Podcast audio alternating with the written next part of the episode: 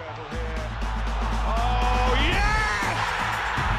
Welcome to Manchester United! Velkommen til Old Trafford DK podcast, din ugenlige djævlerøde podcast. Mit navn det er Peter Theis, og jeg skal være jeres vært i denne uge. Dagens agenda den byder på henholdsvis tre blogs. I dagens podcast kommer vi nemlig ind på følgende blogs. Den første, det er en nedtak til Brighton Cup'en, altså semifinalen i FA Cup'en. Den anden har jeg valgt at kalde Legend, Soldier and Talent, og det kommer vi ind på lidt senere. Hvad pokker handler det om? Den sidste optakt, det er selvfølgelig optakten til henholdsvis både Spurs i morgen, hvor vi optager onsdag, så det er torsdag, den bliver spillet, og Aston Villa-kampen. Den første køndige gæst, jeg har med i dag, øh, han er altid klar på en god, konstruktiv snak om øh, Manchester United, øh, og han har faktisk været del af den her podcast et par gange før. Lukas Appel, velkommen til. Mange tak. Fedt at have dig med. Det er fedt at være. Og fedt, du havde, øh, havde tid med så kort så det skal siges. Jeg havde flået Lukas ind øh, helt fra siden, og heldigvis så Jeg er han altid tid klar. Jeg er altid klar, sagt United. Mega fedt. Øhm, den anden øh, har jeg faktisk også heddet lidt ind for siden. Jeg tror ikke, det er en person, der kræver utrolig meget øh, introduktion til vores lytter. Øhm, så hvis jeg skal prøve at følge øh, vores agenda en lille smule, jamen så vil jeg sige, at øh, han er vist en af det, vi kalder talent her på Old Trafford DK podcastværter. Nikolas, du er fangen. Hej Velkommen hej, hej hej. Endelig tilbage efter sygdom og stramsvigt. og strømsvægt, og ja, det er altid godt. Godt at have dig med. Øh, jeg synes, vi skal starte på øh, de fem hurtige. Er I friske på det? Yes. Lad os gøre det. Ja, mega fedt. Lad os så komme i gang.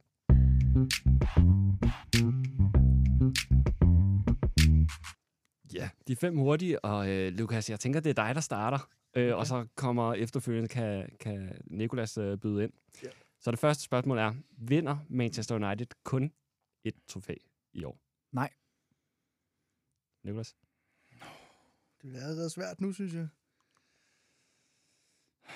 Det skal jo ikke være en nem podcast. Nej, Det er jo ej, bare jeg, jeg siger også nej. Du siger, du siger også nej. Så du ikke ja? Nej, yes, øh, United vinder mere end et trofæ, ja. De vinder mere end et trofæ. Sorry. Ja. Ja. Andet spørgsmål. Kommer Manchester United til at spille Champions League næste år? Altså, kommer vi i top 4, kan vi jo godt sige, i Premier League. Det gør Lukas? vi. Det gør vi. 100 procent. Jeg siger også ja. God optimisme. Selvfølgelig. Hvem bliver årets spiller i år for Manchester United, Lucas? Den er svær, synes jeg. Jeg synes virkelig, den er svær, men... Øh, altså, jeg, jeg, vil, jeg vil have sagt Martinez, indtil han bliver skadet, og så er du klar, så er der en masse kampe, hvor han ikke spiller nu. Øhm, så, og man kunne godt sige Casemiro, inden han fik sine to røde kort, og ikke rigtig har været sig selv efterfølgende, men øh, det er svært at sige. Måske bare Bruno, eller bare bare, fordi jeg synes, han er en katalysator for, for United. Det er der ingen tvivl om. Så ja, Bruno. Jeg synes, det er nogle rigtig gode kandidater, men jeg tror, det bliver Marcus Rashford. Spændende.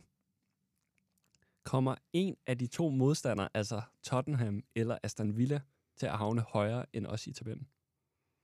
Nej, det gør de ikke. Nej, siger Lukas. Nej, det gør de ikke. Nicolas siger også nej. Sidste spørgsmål. Vinder vi begge af de kommende kampe? Lukas. Nej, det tror jeg ikke, vi gør. Jeg tror, vi vinder. Ja, det, det kan vi tage senere, men, øh, men nej, det tror jeg ikke. Nicolas. Det bliver jeg nødt til at sige ja til. Det tror jeg på. Fed optimisme.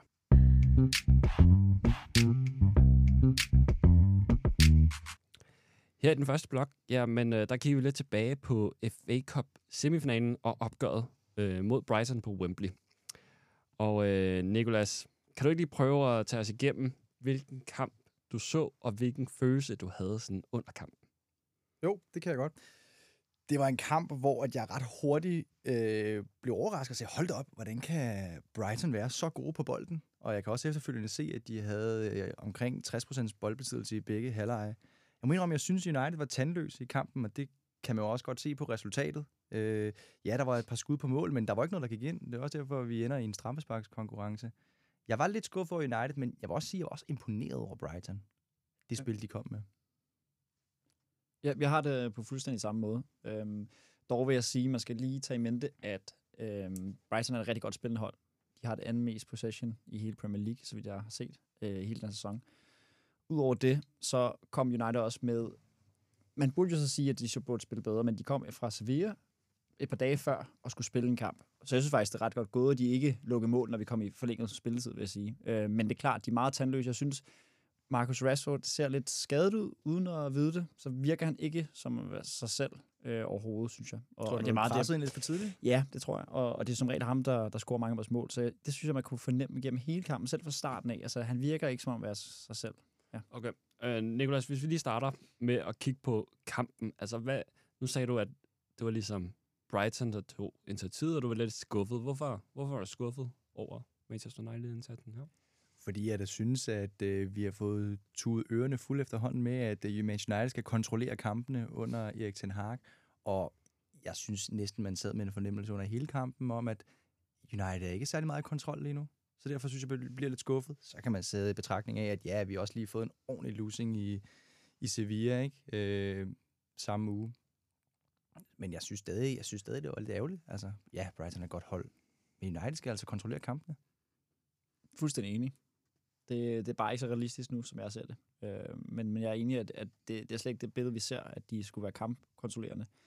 Man kan sige, hvis man skal komme med undskyldninger, som man jo som regel gør, når det ikke går, som, som man gerne vil have det, så, så spiller vi med en, en firebakkæde, som vi ikke har spillet mange gange med. Altså, det er ikke folk i vante positioner. Dalot spiller på venstre bak, som han har gjort måske to-tre gange før. Måske i tidligere sæsoner har han gjort det, men du ved, der, der mangler mange ting. Jeg synes, Casemiro virker heller ikke som sig selv. Det er klart, øh, efter de røde kort, det virker som om, han går meget mindre, eller når han går ind i taklinger, så kommer han nogle gange lidt for sent, men, men han er også meget påpasselig med den måde, han sådan markerer folk og så videre. Jeg synes det, og det har han været en af dem, som har været bedst på vores midtbane til at styre banen. Ja, Han ligger lidt låg på sig selv, måske. ja enig, fuldstændig. Altså, det synes jeg nemt, man kan... Ja. Hvad jeg i tog, det var, at de her kampe, der er lidt mere betydningsfulde, også det vi så i finalen i, i Ligakoppen, jamen der trækker United sig lidt mere tilbage. Det gjorde de også lidt mod Sevilla, Mm. og lidt stoppe med at spille fodbold. Ja. Er det samme? Er det det samme, I, I ser? Ja, det tror jeg godt, jeg kan genkende til. Nu du siger det, kan jeg da godt genkende det. Om det har noget at gøre med trætheden i truppen, eller hvad det er, eller energi, altså energiniveauet. Ja. Jeg ved faktisk ikke, hvorfor om det er faktisk rigtigt nok, det du siger. Hvad med, nu snakkede jeg også lidt om, omkring det her følelserne, Lukas. Hvad, Mhm. mm-hmm. hvad igennem kampen, hvad havde du for nogle følelser, hvis vi lige tager igennem første halvleg, ja. anden halvleg videre? Jamen, jeg sagde faktisk efter meget kort tid til, uh, jeg sad og så det sammen med min storebror, som også er stor United-fan, jeg sagde, at det her det bliver en 0-0, og vi går i forlænget spilletid, og den går i strafspejlskonkurrence. Uh, det kan man altid stå og sige bagefter efterfølgende, men uh, og så sagde jeg, at uh, det ville jeg ikke håbe, den gjorde, fordi at vi bare har en rigtig dårlig statistik på strafspejlskonkurrence. Men jeg synes, kampen var meget der var ikke så mange chancer igen. Det var rigtig nok, at de her lavede nogle gode redninger, og der var også lidt for Sanchez, der lavede en rigtig god redning på, tror mod Rashford, der sparkede den virkelig hårdt ned i hjørnet, hvor den blev rettet af. Men ellers var den meget tandløs. Øh, og jeg synes også, kommentatorerne snakkede om, at jeg synes, det var, det var ikke en semifinale, som, som man ville tro, det ville være. Vel? Altså, det var, sådan, der var meget på spil på en eller anden måde også. Øh, så lidt kedelig kamp også, et eller andet sted. Nikolas, øh, sad du med nogle øh, andre følelser, eller? Nej, jeg, jeg, er- jeg er faktisk meget enig med Lukas i, i det, han siger. Havde et, et, et Brighton-hold fortjent bedre, Nikolas? Det vil De Serbi jo mene. Det sagde han i hvert fald efter kampen var færdig. Han sagde, at hvis man Mhm. skulle være helt objektiv, så ville man også sige, at Brighton fortjente at vinde kampen. Det kan jeg selvfølgelig ikke sidde og sige ned i det her studie. Eller give ham ret i. Nej, men, og, og selv hvis jeg skal prøve at kigge objektivt på det, så synes jeg heller ikke, at øh, de skulle have vundet kampen som sådan. Det var ikke, fordi det her var ude og lave den ene gode redning efter den anden gode redning, fordi jeg synes ikke, de, de, de er klart, de har meget mere boldbesiddelse og spillede også bedre fodbold, men jeg synes ikke, de var dem, der var sådan, altså meget bedre. Altså, det synes jeg er langt fra. Det var ikke et skydetelt. Nej, overhovedet ikke. Hvad, Lukas, hvad gjorde øh, Manchester United godt, og hvad gjorde de sådan skidt i den her kamp? Jeg synes, øh, en som Lindeløf var virkelig god. Øh, så defensivt må vi have gjort et eller andet godt, siden vi ikke har lukket nogle mål ind.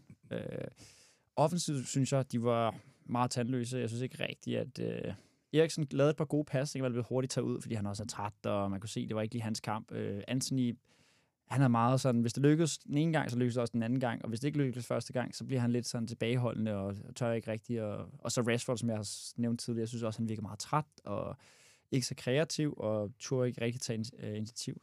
Øhm, så, så, jeg synes ikke, det gode, jeg ved ikke, det må være at vinde et eller andet sted i sidste ende, men jeg synes ikke, de spillede en god kamp. Nikolas? Det kan godt være, det, det lyder lidt sjovt, når jeg siger det, men jeg mener det faktisk helt oprigtigt. Jeg synes, noget af det bedste, der skete øh, for United, det var, at de ikke havde Harry Maguire på banen. og, og ja, man kan altid gå ind i Harry Maguire-bashing, og jeg ved ikke Ja. ja. hvad, men han gør bare spillerne omkring ham usikre. Det, det kan man rigtigt. se mod Sevilla. Usikkerhed, usikker, usikkerhed. De Gea står også i en meget mere confident kamp i dag, end han gjorde mod Sevilla. Ja, ikke i dag, i søndags, end han gjorde mod Sevilla. Det, det, jeg kan ikke huske, var det ikke fordi, han havde en karantæne, han ikke kunne få lov til at spille? Jo. Korrekt. Det, er, det er næsten en gave til holdet. Helt seriøst. At han ikke spiller den kamp, det gjorde, et, øh, det gjorde mm. Mhm. en kæmpe forskel for United-holdet. Og jeg- ved ikke, har I set, der er kommet et interview med Nemanja Vitic og Ja, Rio og Rio Ferdinand Ferdinand, på YouTube? Yes. Øhm, der spørger de jo faktisk ind til Harry Maguire, og spørger Vidic, den her forsvarslegende, om hvad han synes om situationen. Og som han sagde det, der sagde han, at hvis man skal være en god leder, og det er Harry Maguire, han er jo kaptajn, hvis man skal være en god leder, så er det altså vigtigt, at man også gør det bedst. Mm-hmm. For du kan ikke fortælle folk, hvad de skal gøre, hvis du ikke kan gøre det bedre end dem. Og, og, og Rio øh, gav ham også ret, og, og sagde, at spurgte selv øh, Nemanja Vidic, øh, da han fik anførbindet i United, om det begyndte ligesom at gå ind i hans psyke, at nu skulle han opføre sig på en anden måde, øh, end han havde gjort hele tiden Mhm. mm. før, fordi nu var han øh, blevet kaptajn og fået anførbindet. Øh, så Rio kommer med perspektiv, der viser, at det kan måske godt syge dig, og jeg tror også, at det måske har ramt øh, Maguire. Vidic sagde så som svar, at han sagde, jeg kommer til at spille og opføre mig på præcis samme måde, som jeg gjorde, da jeg ikke havde anførbindet. Ja. Og det tror jeg ikke, Maguire har gjort. Nej, og man kan også godt mærke, at han føler sig presset.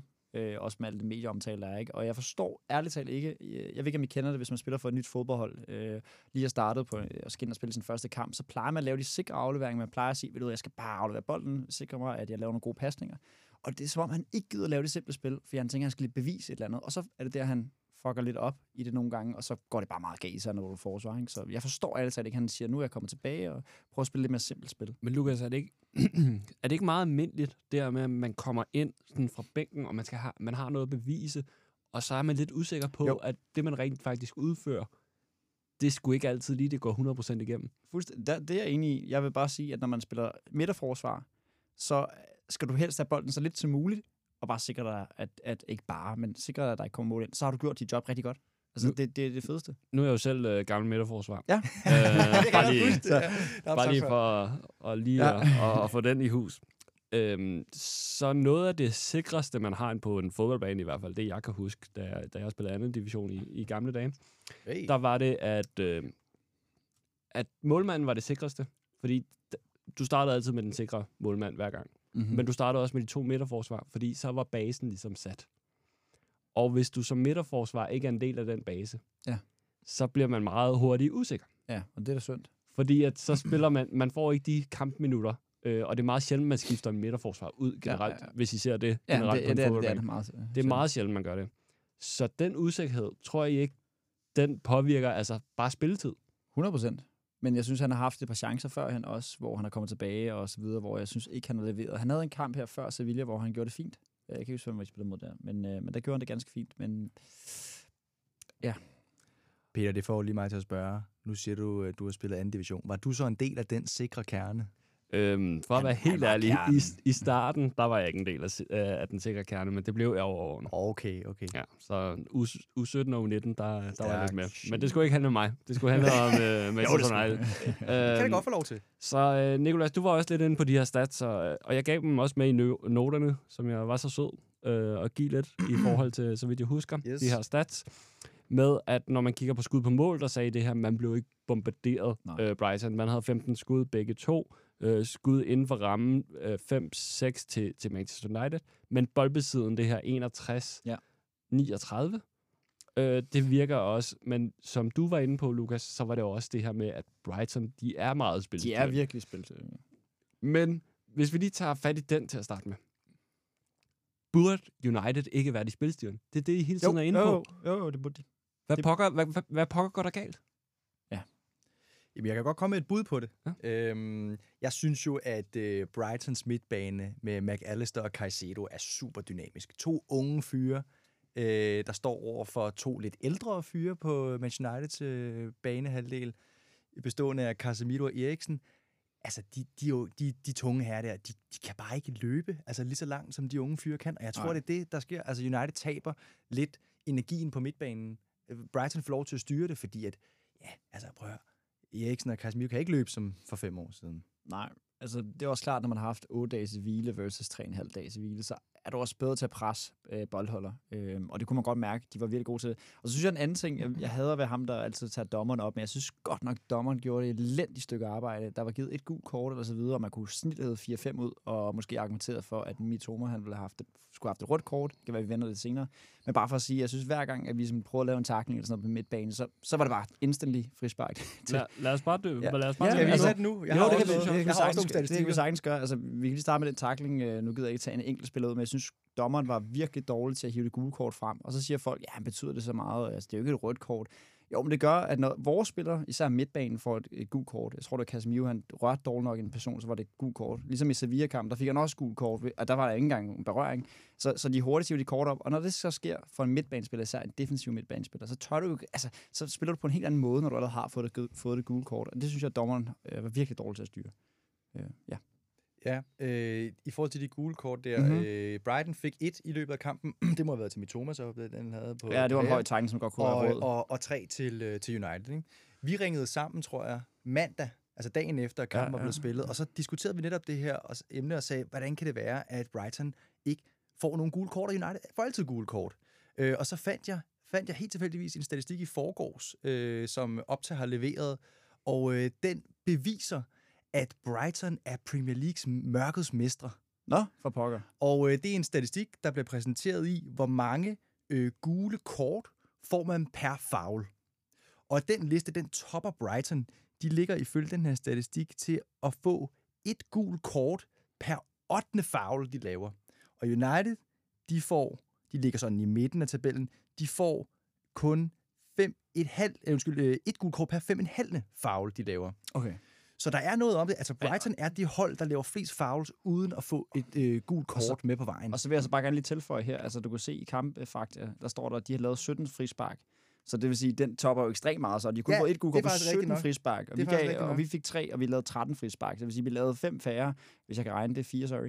Øh, og vi fik øh, to færre. Så det er sådan lidt, ja.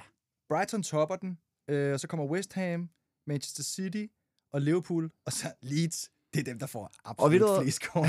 Jamen, jeg, jeg snakker faktisk igen med min storebror omkring det, og jeg lagde mærke til, at det, de gør meget Brighton, det er, nu skal vi ikke stå, jeg har intet mod Brighton som sådan, men, men det, med, det, de gør, det er, at deres frispark er meget op på kroppen, det vil sige, de, når en spiller er ved at, altså de prøver at få bolden, så skubber de meget tit. Mm, I stedet for at gå ned i en takling, så skubber de utrolig meget. Skubber en ud af balance, som et eller andet sted er det lige så værst. Øh, ikke en hård takling, men skubber. Og det er de små, dem, dem laver de så tit. ja. Jeg kan fortælle jer, at øh, fire af de frispark, det er Webster, der øh, stod for dem. Og øh, ud fra min mening, så var tre af dem, det var gule kort. Præcis. Nul. Han har ikke fået det han eneste. fik ikke en eneste. Øhm, men når det så er sagt, så er, tror jeg også, altså, hvis man tager lige i forhold til de to forskellige spillestile under kampen, så er Ja. det meget det her med, at Brighton, de presser meget højt. Det gør det, ja. Vi stod utrolig lavt. Det kan vi ikke blive øh, uenige om, tror jeg. Meget lavt, ja. Og det med, at man laver frispark på toppen af banen, altså den første tredjedel, det vil sige, at det ikke er nogen grove frispark som sådan. Nej. Hvilket vil sige, at det virker ikke så groft. Og derved, så skal der ikke noteres med et gult kort. Hvem mindre man gør det gentagende gang. Ja, men, men, men det har ikke lige så stor effekt, Nej. hvis du laver et, et frispark på den sidste tredjedel af banen. Præcis. Er i hvert fald min observation. Det ved jeg ikke, om, øh, om I er enige. Jo, det er korrekt. Det lyder meget rigtigt, jo. Men jeg synes, der var nogle gange, hvor vi faktisk havde spillet, og der var næsten en kontamulighed, hvor de lavede et par frispark. Jeg tror, det tog tre gange, hvor vi bogstaveligt talt havde en reel chance for at score et mål. Og hvor der ikke engang blev givet gul kort, hvor jeg sådan stod, hvad? Det kan, det kan ikke være rigtigt. Hvad tænker I om, øh, Lukas, lad os tage dig. Ja. Hvad tænker du om, om startopstillingen, han startede med?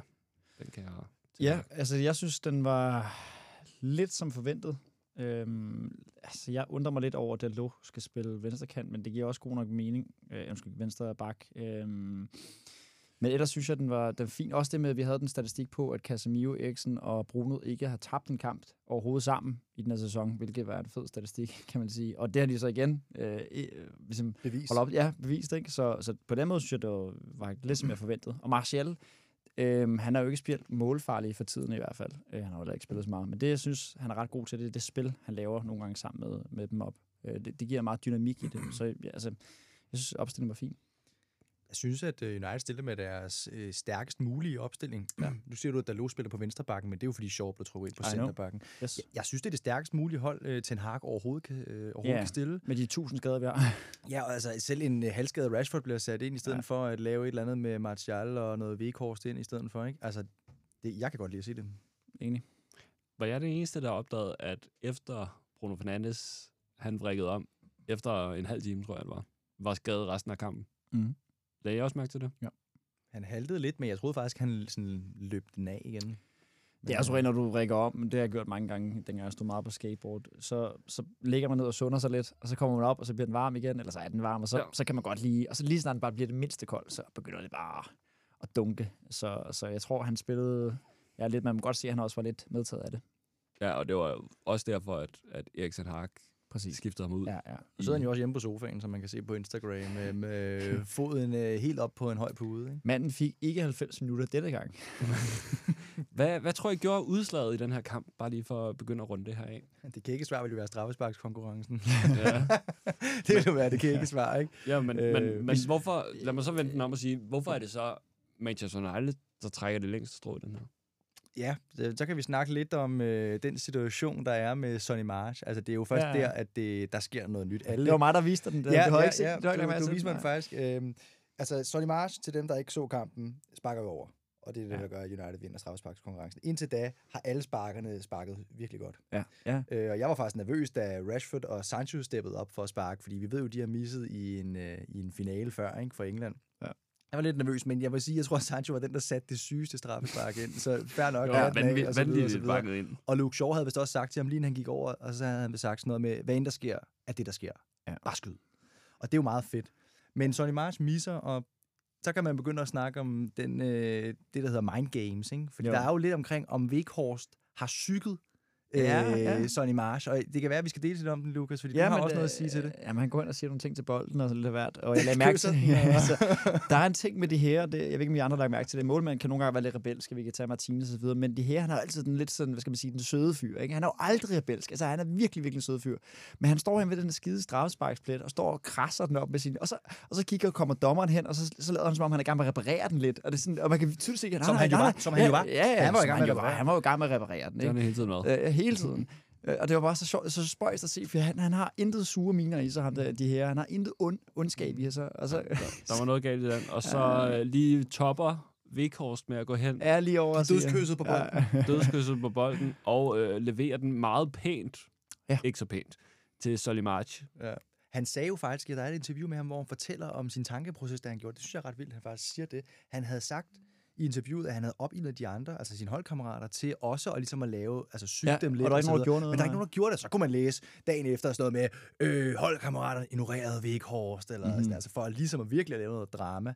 Men hvis I lægger mærke til det, så er det som regel sådan, at målmanden, når der ligesom er blevet scoret, så giver målmanden bolden til spilleren. Men Weghorst fik i den her situation først fat i bolden, hvis Han løb hen til det. han sådan, Det var ikke målmanden, der gav bolden til Sonny March. Det var faktisk Weghorst, der gav den. Og det var vist første gang i den straffesparkskonkurrence. At Nej, det skete. er også, hvad dommerne på gangen mener. Ja, dom, okay, dommeren. Men, men det er det der med, at det ikke er en ven, der giver Nå. den, men det er en modstander. Og så kan han jo netop gå over til ham og lige viske et eller andet til ham. Jeg tror måske, det har gjort en lille forskel. Det er jo spekulativt, ikke? Og måske var Sonny March bare Men nervøs, men Ja, og fordi de har også meget en stake, det skal man lige huske på. Altså Brighton, Ja. det er måske en af de eneste finaler, de kommer i, i lang tid, ikke? Altså, så, så de har jo også meget pres han var på dem. knust. Han Ja, var og det knust. Han stod næsten, han tog trøjen over hovedet for at skjule sine tårer Ja, og sådan noget. det- ikke? Ja. Jeg er for et kæmpe fan af Solly March, har været det i mange år. Ja, ja, Øh, en ting, Lukas, at det ikke bare er en del af spillet.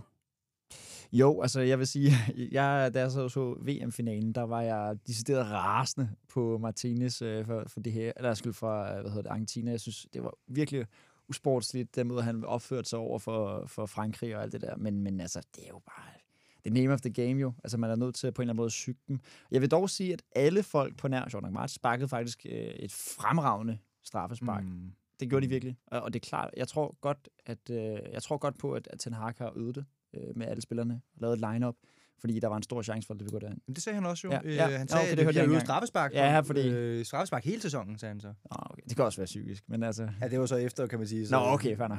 Jeg ved ikke, om han bare høstede roser eller hvad. Eller... Men jeg synes sgu... Altså, selv sparkede Victor så godt. Han kan sgu sparke bolde. De sparkede, de sparkede. Ja. Nå, hvem gjorde det godt for Manchester United? Sådan generelt set. Lindeløf, Ja, ja, klart fan. Ja, er det, jeg- fordi jeg han sparker det sidste? Nej, nej, nej, jeg sagde det lang, jeg sagde det lang tid inden hovedet, vi var råd til 90, så sagde jeg, hold op, han har jo ikke så han lavede én ting, hvor han kom til at give ja. den til et hjørne, men ellers så satte han ikke en fod forkert. Hele Det er hans bedste kamp den her sæson. Det synes jeg. Ja, men jeg synes, han har spillet mange gange. Han, altså, han kom på bagkant på et tidspunkt, hvor han får en gul, uh, gul basse. Jeg tror, det er den. Eller, Er det den, du ja, ja, mener? det kan godt det være det Ja, er den. Men hvor, ellers- han er, hvor han er ved at Men jeg synes, komme han er, bare, han er ret rolig, og så er han også ret god på... Jeg så vel ikke så Det er jo meget ikke for sjovt, at han er The Iceman. Ja, præcis. Ja, ret rolig. Nej, men han, er, han var er god ret på bolden. god på bolden og gode afleveringer. Ja, det var også derfor, man købte ham fra Benfica. Det kan jeg huske, da Mourinho købte ham. Det var fordi, at han, er en- vi havde brug for en centerback, der kunne øh, fordele bolden. Det er så Jamen, det, vi siger, at Licha er så god til Ja, i dag. det er han jo også. Og det, og, og det var også tanken, tror jeg. Med, Lavede han ikke med også øh, 3-4 assist sidste sæson? Lindeløf til Rashford? Jo, jo, ja, han Altså, han det var lavede i hvert fald 3-4 nogle, assist, nogle tror jeg. lange bolde i hvert fald. Men øh, Nikolas, hvem synes du gjorde det godt? Men øh, jeg kan kun give ret i, at Lindeløf var rigtig god, og ja, Old Trafford DK kårede ham også som kampens spiller. Øh, De andre var ikke gode. Jo, jo, og, men øh, jeg synes også, at... øh, Wan De Bissaka Gea- måske? Ja, han gjorde det rigtig godt, men jeg synes også, at De Gea kom øh, godt tilbage fra Sevilla-kampen. Det skal Ja, man altså lige huske. meget. Han var nede med en fæl gang spansk syge, ikke? Og Shaw, Jeg synes også, så sjovt. Ja, altså, Dalot. Ja, ja, ja, Dalot nu begynder lidt svære. hele op- holdopstillingen op. Ej, ja, Nej, Dalot- nej, men, men nu men tager Dalot- jeg bare Ja, men hele det Dalot- defensive her. Da- Dalot gjorde det også fint, synes jeg. Jeg synes, det er klart at se, at- han er ikke vant til at spille på, på, på venstre. Øh, nogle af de træk, han laver, det tænker hvad laver du ikke ind i banen, hvor man plejer at gå den anden vej? Men det er, fordi han ligesom er vant til at trække til højre, ikke? Så det kunne man godt se, men ellers synes jeg ikke, han gjorde det så. Men er det ikke meget normalt for en, for en højrebenet spiller, så er man hele tiden på den sikre side? Det. Øh, når, man tager den, når man tager den frem til sit højre ben, han lavede så en, kommer du hvor, aldrig, aldrig ud i den. ah, men han lavede hvor en, du- hvor, hvor de var lige ved at opsnappe bolden, og jeg tænkte sådan, ah, det er lige farligt. Men så gjorde det så heller ikke senere. Men det var en defensiv kamp, så derfor var det Ja. også de defensive spillere, der ligesom var til. Ja. dem, der var i fokus. Det er rigtigt, det du sagde, Wan Bissaka, han shinede. ja, det gjorde det. Han gjorde det sørme godt. Det gjorde han, og jeg tror, ja, han var helt opsat på ham i Toma. Han skulle bare ikke komme forbi, ja. og det gjorde han så heller ikke. Jeg synes, jeg synes at Wan Bissaka er virkelig en svær case. Altså, ja. Ja. den ene måned, der er han er, er helvedes Nej, til at hans- lidt og den anden måned, der, der skal man næsten sidde og sige undskyld til ham, ikke? Jeg synes, hans store problem, det er hans positionering generelt set. Det er han... Ja, ja. øh, Ja, ja, men med er alt andet er rigtigt. han rimelig... Ah, ikke alt andet, men han er ret god til hans defensive pligt ellers. Ja. Ja. Hvem fra Brighton så, ser I som en ser I gerne i Manchester United næste sæson? Hvem vil starte med den? McAllister. Altså, jeg tror, altså, Mitoma, han blev jo hypet til skyerne for tiden, ikke? Og alle øh, kan næsten Jo. ikke sige andet, når man snakker om Brighton. Men jeg vil altså gerne også vende mig mod midtbanen, og McAllister eller Caicedo. Mm-hmm. Jeg kan huske, at Caicedo var også rygtet til United i sommeren, øh, inden man fik Casemiro. Og øh, jeg vil også sige, at det rygte stadig er relevant. Han vil, han vil gerne væk fra klubben angiveligt i sommer. Det fik han så ikke lov til. Eller var det i vinter? Nu bliver jeg helt i tvivl. Men jeg har det, Han jeg, vil væk fra Brighton, kan jeg huske. Og hey, husk lige på, Casemiro, han er altså... Han er ikke helt ung. Nej, nej, det, nej, det er rigtigt. Oh, wow, wow, wow, wow. Han er 30. han er. hey, hey. Han kan spille til han er 45. 30 eller? er ingen alder. 30 30 er er ingen alder. Det er bare tal. Altså, Tre- hvad er Modric? tal. Fem- 38 eller 36, 37? Hvem? Modric? Ja, Han spiller er fremover. er. Jo, Ja, han er Ja, ikke Modric eller hvad? det, jo det, det er ikke så nuanceret, men, Okay. men Jeg tror, han klart har flere år, det var øh, bare- 3-4 år tilbage, 100%. Så man skal have, på, en, på de 3-4 år, der skal man Vinde. have fundet en eller anden. Ja, og man skal vinde. Han skal vinde sølvtøj her. Rigtig sølvtøj. Så Mike Allister er... Ja, jeg synes, han er ret spændende. jeg synes, han er fed. Han har god energi. Han blev også hypet lidt op under VM. VM, men, men jeg, synes- jeg synes, han er... Misoma?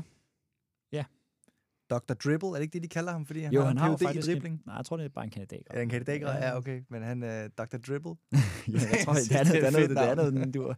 Jeg så, fun fact, jeg så James Madison, han er åbenbart United-fan. Jeg ved ikke, om I ved det. Nej. Han er ret stor United-fan, og ja, hvilket er sjovt, når spiller for Leicester, men i hvert fald, han skrev, han sagde, hold da op for en Bisakker. Du er nok en af de bedste. Jeg tror, han skrev noget i den Skrev stil. det? Jeg finder lidt tweetet, mens vi lige, uh, I kan Okay. bare gå videre Ja. en gang. Det er ret spændende.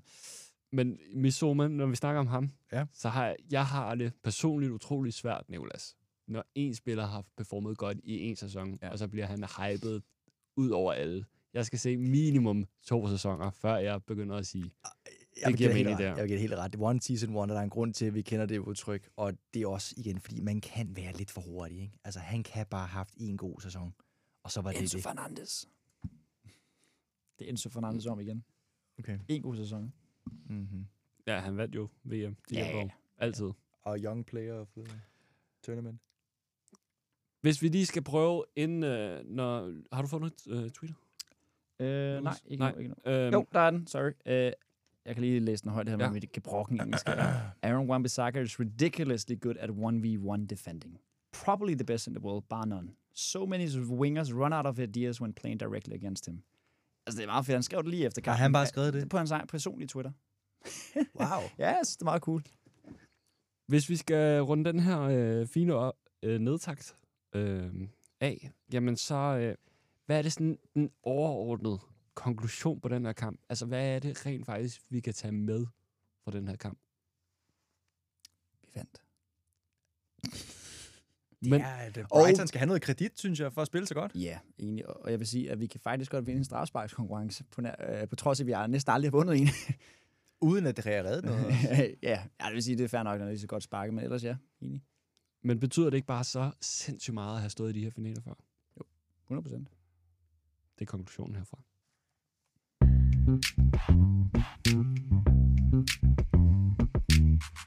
I den anden blok i øh, den her podcast, jamen øh, der har jeg valgt at kigge lidt ind i Manchester United, altså klubbens spiller. Øh, og derved, så har jeg valgt at kalde den her blok for Legend, Soldier and Talent. Og øh, her der kommer øh, Lukas og Nikolas især på arbejde, vil jeg gerne lige uh, sige. Det håber jeg arbejde. virkelig. Øhm, og øh, jeg har nemlig bedt øh, både øh, Lukas og Nikolas om at kigge lidt ind i spokhulen og forudse, hvem i Manchester Uniteds trup tror, de bliver henholdsvis en legende, altså på længere sigt, en soldier, det er sådan lidt mere her og nu, øh, og talent. Og hvad står de egentlig for? Jamen legend, det er sådan, altså, hvem der har talentet og viljen til at blive legenden i klubben på længere sigt. Soldier har jeg valgt at kalde den den største fighter, og den, der vil slås mest, mest for, for logoet på trøjen. Og så talent, altså hvem er det sidste nye, nye skud på stammen, og, og håber, vi slår endnu mere igennem på første hold, end hvad det allerede har. Og gutter, hvem, øh, hvem vil gerne øh, prøve at lægge ud? Du kan da bare starte, Nico. Skal jeg starte? Øh, vi starter med talentet. Bare Okay. lige så I Okay. er opmærksom på det. Og så øh, tager vi øh, Soldier, og så kører vi af, slutter vi af med Legend.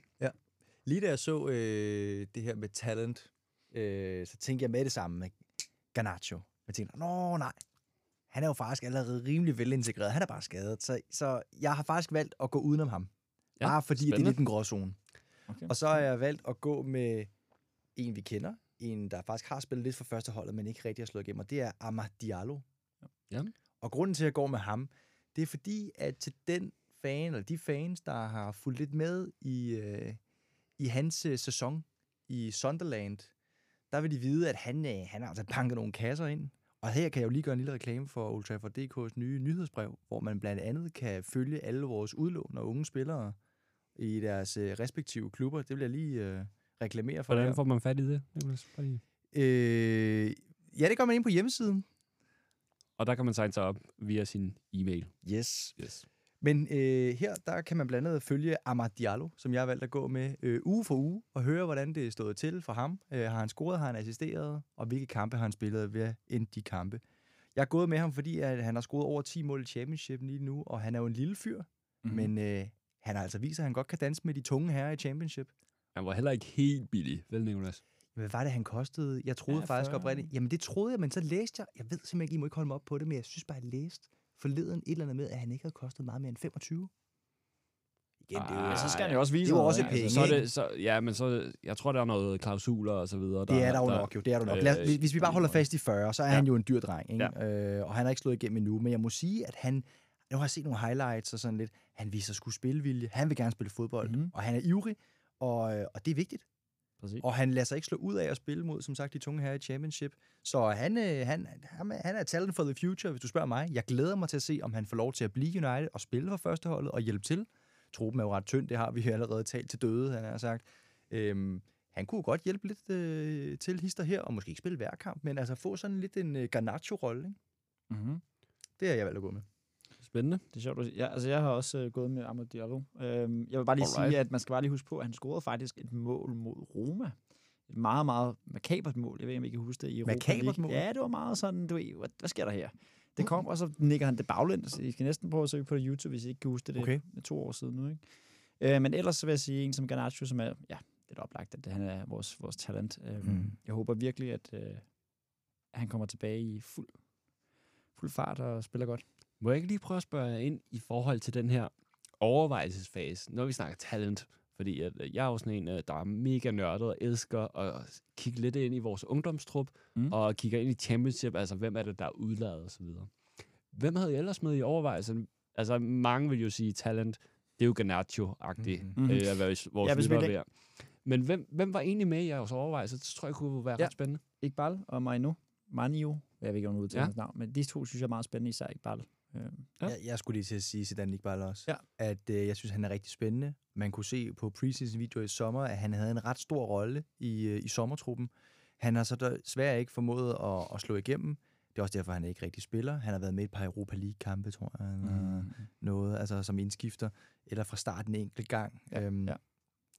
Jeg håber inderligt, at han kommer til at, at slå igennem. Men der skal lige lidt mere til. Jeg kan Ja. godt forstå også, hvorfor det er, at han ikke får spilletid fast. Fordi han er ikke han er ikke god nok, og han skal også tage lidt mere på i muskelmasse og vægt, for at han for alvor kan, er kan også- slås på midtbanen. Det er også mere, at vi har ikke så mange kampe, hvor vi kan prøve sådan nogle spillere. Altså alle vores kampe fra nu af til vi slutter, Ja. ja. det, det er altså vigtige kampe, alle sammen. Og mm. vi, Mhm. vi skal jo gerne have tre point, så vi kan ikke bare gå ud og teste, efter vi er otte point foran, point foran øh, som førende i en liga.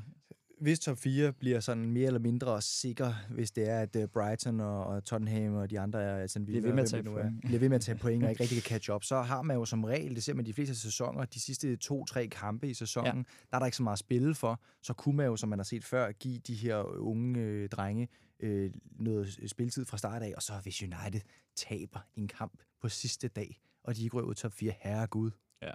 Og Pelistri igen. Jeg ved godt, han er ikke talent, Ja. ja. talent, men jeg synes, han er spændende. Jamen, jeg synes faktisk, du har helt ret. han er meget jeg synes, direkte. Jeg synes, han skal have noget mere spilletid. Jeg synes, han gør det godt, når han spiller. Enig. Skal I høre min? Ja, tak. Jeg har, det, det ved de fleste jo, jeg har en forhold, forkærlighed for Hannibal Mabry. Mm. Spændende. Kunne godt være spændende. Nu er fuldstændig stoneface over for Nicolas. Det er Ja, undskyld, jeg kan ikke skjule, jeg, kan, jeg, jeg, jeg synes ikke, han er særlig nice. Sorry. Det er bare hårdt, du ikke kan lide, Jeg, tror nej, nej, jeg synes bare, han er irriterende. Undskyld Vores nye Fellaini der med håret der. Jamen, jeg synes bare, jeg, jeg har set ham, og så går han ind og giver albuer, og viser ikke rigtig nogen super gode tekniske færdigheder. Albuer godt. Jeg synes bare, jeg er ikke imponeret. Det må Men- jeg sige. Og jeg tror også, jeg har sagt det i podcasten før. Men Han det er derfor, mig jeg også vil sige sådan som Achel Gomes øh, for et par år siden. Jeg synes, han, han var min favorittalentspiller. Øh, han var, havde en eller anden vanvittig energi, og, og han kunne have bolden på sine fødder, mens han gik. Det så helt vanvittigt ud, ikke? at lade mærke til det. Jeg har aldrig set nogen, eller det har jeg, men det er meget, meget få mennesker, der har så god sådan boldteknik, som han havde. Men han blev desværre aldrig til noget for United. Det ærger mig stadig i dag. Spiller han i Nice nu? Gør han ikke det? Ja, det kan godt være. Jeg tror, han spiller for Nice. Men prøv, hvis I begynder Lille, at jeg. Frank Lille. hvis I går ind og ser jeg. nogle af hans Ja. highlights, den bold der er aldrig mere end to centimeter for hans fod. Jamen, han er medmindre rigtig han han, er, Det også, helt han er også meget lille. Ja, det er op Det- det ser lidt mere- ja, det, Enig. det er ligesom det, der gør. Og min, øh, min joker i det her, det er en, der hedder Alvaro Fernandes, som Mhm. er vensterbak, Ja, øh, som har er om. udlejet til, til Preston i øjeblikket, og skulle spille hver gang for Preston og gøre det rigtig, rigtig godt. Fedt. Øh, 20 år gammel, øh, ung vensterbak, skulle virkelig gøre det godt. Spændende også at se. Øh, hvad, hvis vi lige, øh, inden vi runder den af, så kunne jeg godt lige tænke mig, talentmassen i Manchester United. Det her med, at vi begynder at udleje spillere til Championship. God, dårlig. Skal vi teste dem med noget mere af første halvår? Hvad tænker I? Udlanding er fint. Det er championship, synes jeg. Jeg synes, det er rigtig lovende. ja. Jo mere øh, kamperfaring, jo tidligere, jo bedre. Jeg synes, uh, Amad Diallo, hvis han kommer tilbage og viser noget af det, han har vist i Championship, så har han jo været et godt eksempel på det, fordi han har virkelig gjort det godt. Altså, jeg følger også rigtig, rigtig meget med i det, så alle de assists, han laver, og last minute winners og så videre, og han, som om han, char- han næsten sådan styrer det hold. Det, det er ret sjovt at se. Ja. Um, så ja, mere af det. Tak. Mere af det. Øh, fedt. Øh, men så vil jeg også prøve lige at vente den om på, den, øh, på skyggesiden, skulle jeg til at sige, og sige, jamen, Pelestri, Elanga, det er ikke meget, Mm. de har fået. Havde de haft bedre af at, at blive udlejet? Ja, Ja. Elanga, ja. Elanga, synes jeg 100%, fordi han synes, har ikke vist så meget. Ja. Plæstri synes jeg, de gange, han har fået chancen, synes jeg faktisk, han har vist rigtig, rigtig meget. Altså, det er jo, han får ikke mange minutter. Han får ikke mange Nej, minutter, det og når han han kommer ind, så Og det er gør han det næsten altid godt. Er det, er det ikke ærgerligt? Er det, ikke, er Jo, det fordi, bestemt, at man men, så, prøver... men, men det er klart, når man har en, der ikke får noget, men når man har en, der hedder Sancho, som heller ikke har vist niveau, niveau nu, så er det klart, når der er en mulighed, så er det sådan lidt, man føler, at man næsten skal have ham derud, Sancho, fordi han koster 100 whatever millioner. Ja, og ikke kun prisen. Du har set ham gøre det. Præcis, Du har set ham gøre, lave og- 20 mål og 20 assists i Så folk er sådan, kom nu, kom nu. Og så får de andre spillere ikke, øh, ikke tid. Og jeg synes, Anthony havde sådan også en periode, hvor man også kunne overveje, at man skulle have en anden højre kant, øh, der kunne prøve at blive skiftet ind i stedet. Men så har han begyndt at gøre det godt igen. Anthony han har begyndt at vise en helt anden dynamik i den måde, han spiller på. Laver, laver faktisk indlæg med højre benet. Og sådan, så er det også lidt, hvem skal man så, hvis han gør det fint? Og, så ja, der er ikke meget at prøve i hvert fald på kanterne. Lad os øh, prøve at springe videre. Øh, og jeg tænkte, øh, Lukas, øh, om du ikke lige kunne tage den næste øh, Soldier. Hvem, øh, hvem har du valgt? Ja, så skal jeg lige se her. Jamen, jeg har faktisk kigget på to, øh, som jeg synes kunne være... Altså, er det det, vi siger? Øh, Casemiro eller Martinez? Det, det, er din, det er din Soldier. Det Ja, er men jeg kan, vores- ikke, jeg, kan ikke, jeg kan ikke bestemme. Ah, du skal vælge. Har I Det hørt om, der, der er en ny spiller, der hedder Casemiro Martinez, og ham Nej. lide. Okay, jeg. Nej. 3, 2, 1. Martinez. Godt. The Martin- Butcher. Hvorfor? Fordi han er øh, så cool. Altså, han viser bare, hvor, ikke for noget, men hvordan en forsvarsspiller skal være. Sikker på bolden, gode afleveringer og bare et godt temperament. Og det har vi jo bare manglet i United. Det har virkelig manglet. Vi har altid været de søde drenge, og der har ikke været noget fanden i voldsked og sådan noget. Så kommer en som, som, øh, som Martinez ind, som jeg synes har det altså, fed energi, uden at være svinsk. Ja, det er han jo ikke. Han Nej, han er net, netop var ikke svinsk, altså, fordi du ser ham ikke lave eftertakninger bare for at lave en eftertakning, men han er, der, han er bare cool. Og jeg vil ønske, at ham og en som Bruno også, øh, han kommer så i en anden kategori for mig, så ved jeg det. Uh. Hey, Men, men, spoiler. men jeg vil ønske, at de vinder noget, fordi det føler jeg bare, de har fortjent. Men, men han har jo ikke, han har jo ikke engang været der en hel Nej. sæson, I know, Lukas. I know. Er det ham, der Ja. skal der slås for, for logoet? Og, Ja. Det synes jeg, det er. Ja, jeg kan følge den op og sige, det er sjovt, du siger det, jeg har også valgt ham, og jeg har kun valgt en, og det er ham. Og øh, jeg tror, alle øh, fans af den her klub, Knus, elsker ham allerede. Han har øh, taklet sig lige ind i vores hjerter alle sammen, og han er skidegod. Argentina. Øh, når, jeg kigger, når jeg kigger på den definition, øh, Peter, du har givet, øh, der hedder Soldier, hvem er den største fighter? Check. Og vil slås allermest for logoet på trøjen? Check. Så kan man spørge sig selv, hvorfor har jeg så ikke puttet ham i en legendarisk eller legende-kategorien? Øhm, ingen tvivl om, at han er en grande, grande, grande, grande fighter. Men grunden til, at jeg ikke helt kan forestille mig ham som en legend, det er faktisk af to årsager. For det første, ja, han har ikke engang været en sæson, så hvordan skulle vi vide det? Der er andre, der har været her i næsten 10 år, ikke? Det andet, det er, da han blev øh, solgt til United, der blev der udgivet et interview, hvor han fortalte, at han næsten var ved at signe for Arsenal. Og hvad var udslaget, det udslagsgivende for det? Det var, at Erik Ten Hag var træner for Manchester United. Så der er en quote inde på Manchester Uniteds hjemmeside, hvor han siger, Boss, if you want me, I'll come.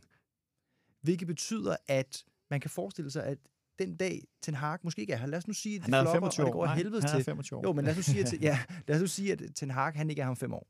Jeg håber det, men lad os nu sige, at han ikke er. Så har vi også en, med at gøre med en spiller, som vil spille for sin træner frem for klubben. Så ja, selvfølgelig, han sidder derhjemme og banker sig på brystet her i søndags øh, med en skade og siger, Vamos United og sådan noget. Og ja, jeg tror da også på ham. Jeg tror da på, at han elsker at være United. Men det har også bare noget at gøre med træneren.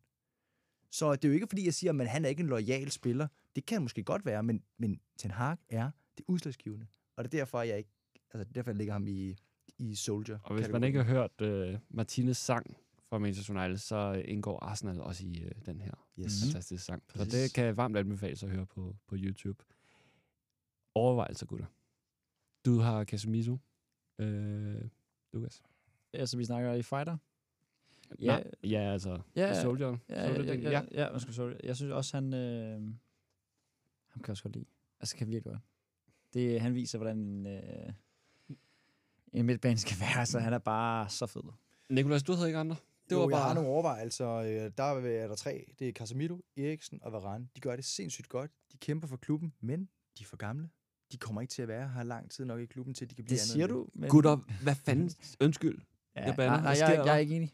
Husk det. Max Source, hvor bliver han Nå, af i den nå, her nej, nej. Soldier! Soldier? Ej, ej, Hvis der er ej, nogen, vi der er vil slås, færdige. altså ungdomsspillere vil slås for klubben, logo, fighter, Ja, det, hvad sker der? Du har jo en stor kærlighed Hvad til sk- McTerminator. Ah, hvad sker der? Vil, vil du, du vil vælge ham, kan jeg høre. Any day. Nej, det vil jeg ikke. Ikke any day. Men, men overvejelser. Jeg har ikke engang overvejet Max Source i det her spil. Nej, det har jeg ikke, og det er, fordi han ikke spiller nok. Så det sagt. Det er kun fordi, han ikke spiller nok.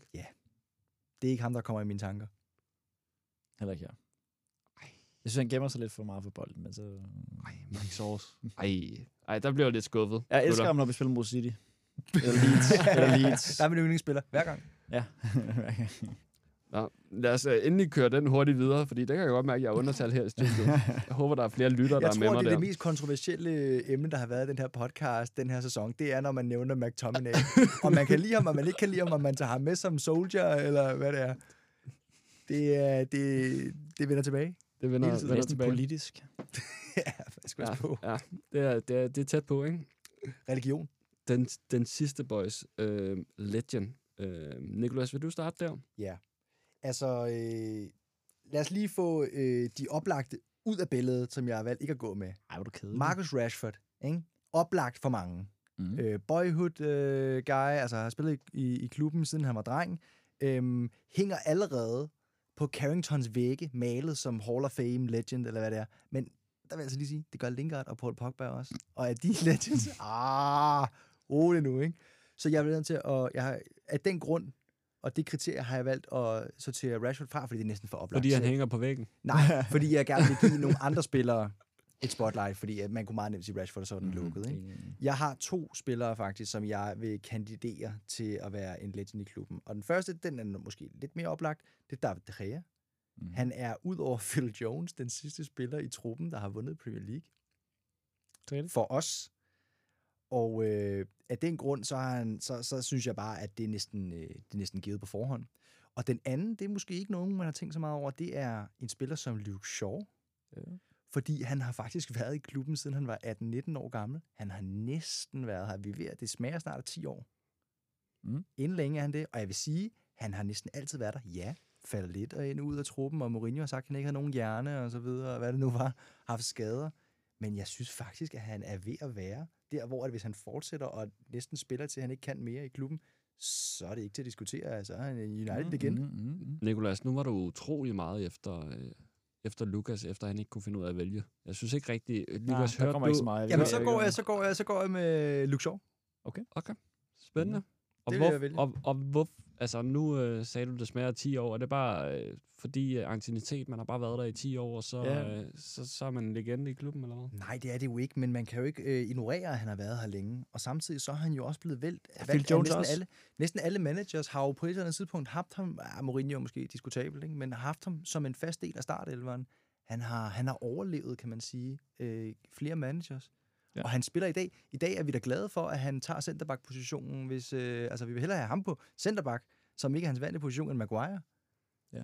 Han er en, han er en club guy. Du er ikke, øh, du er ikke Maguire-fan, kan man godt høre derovre.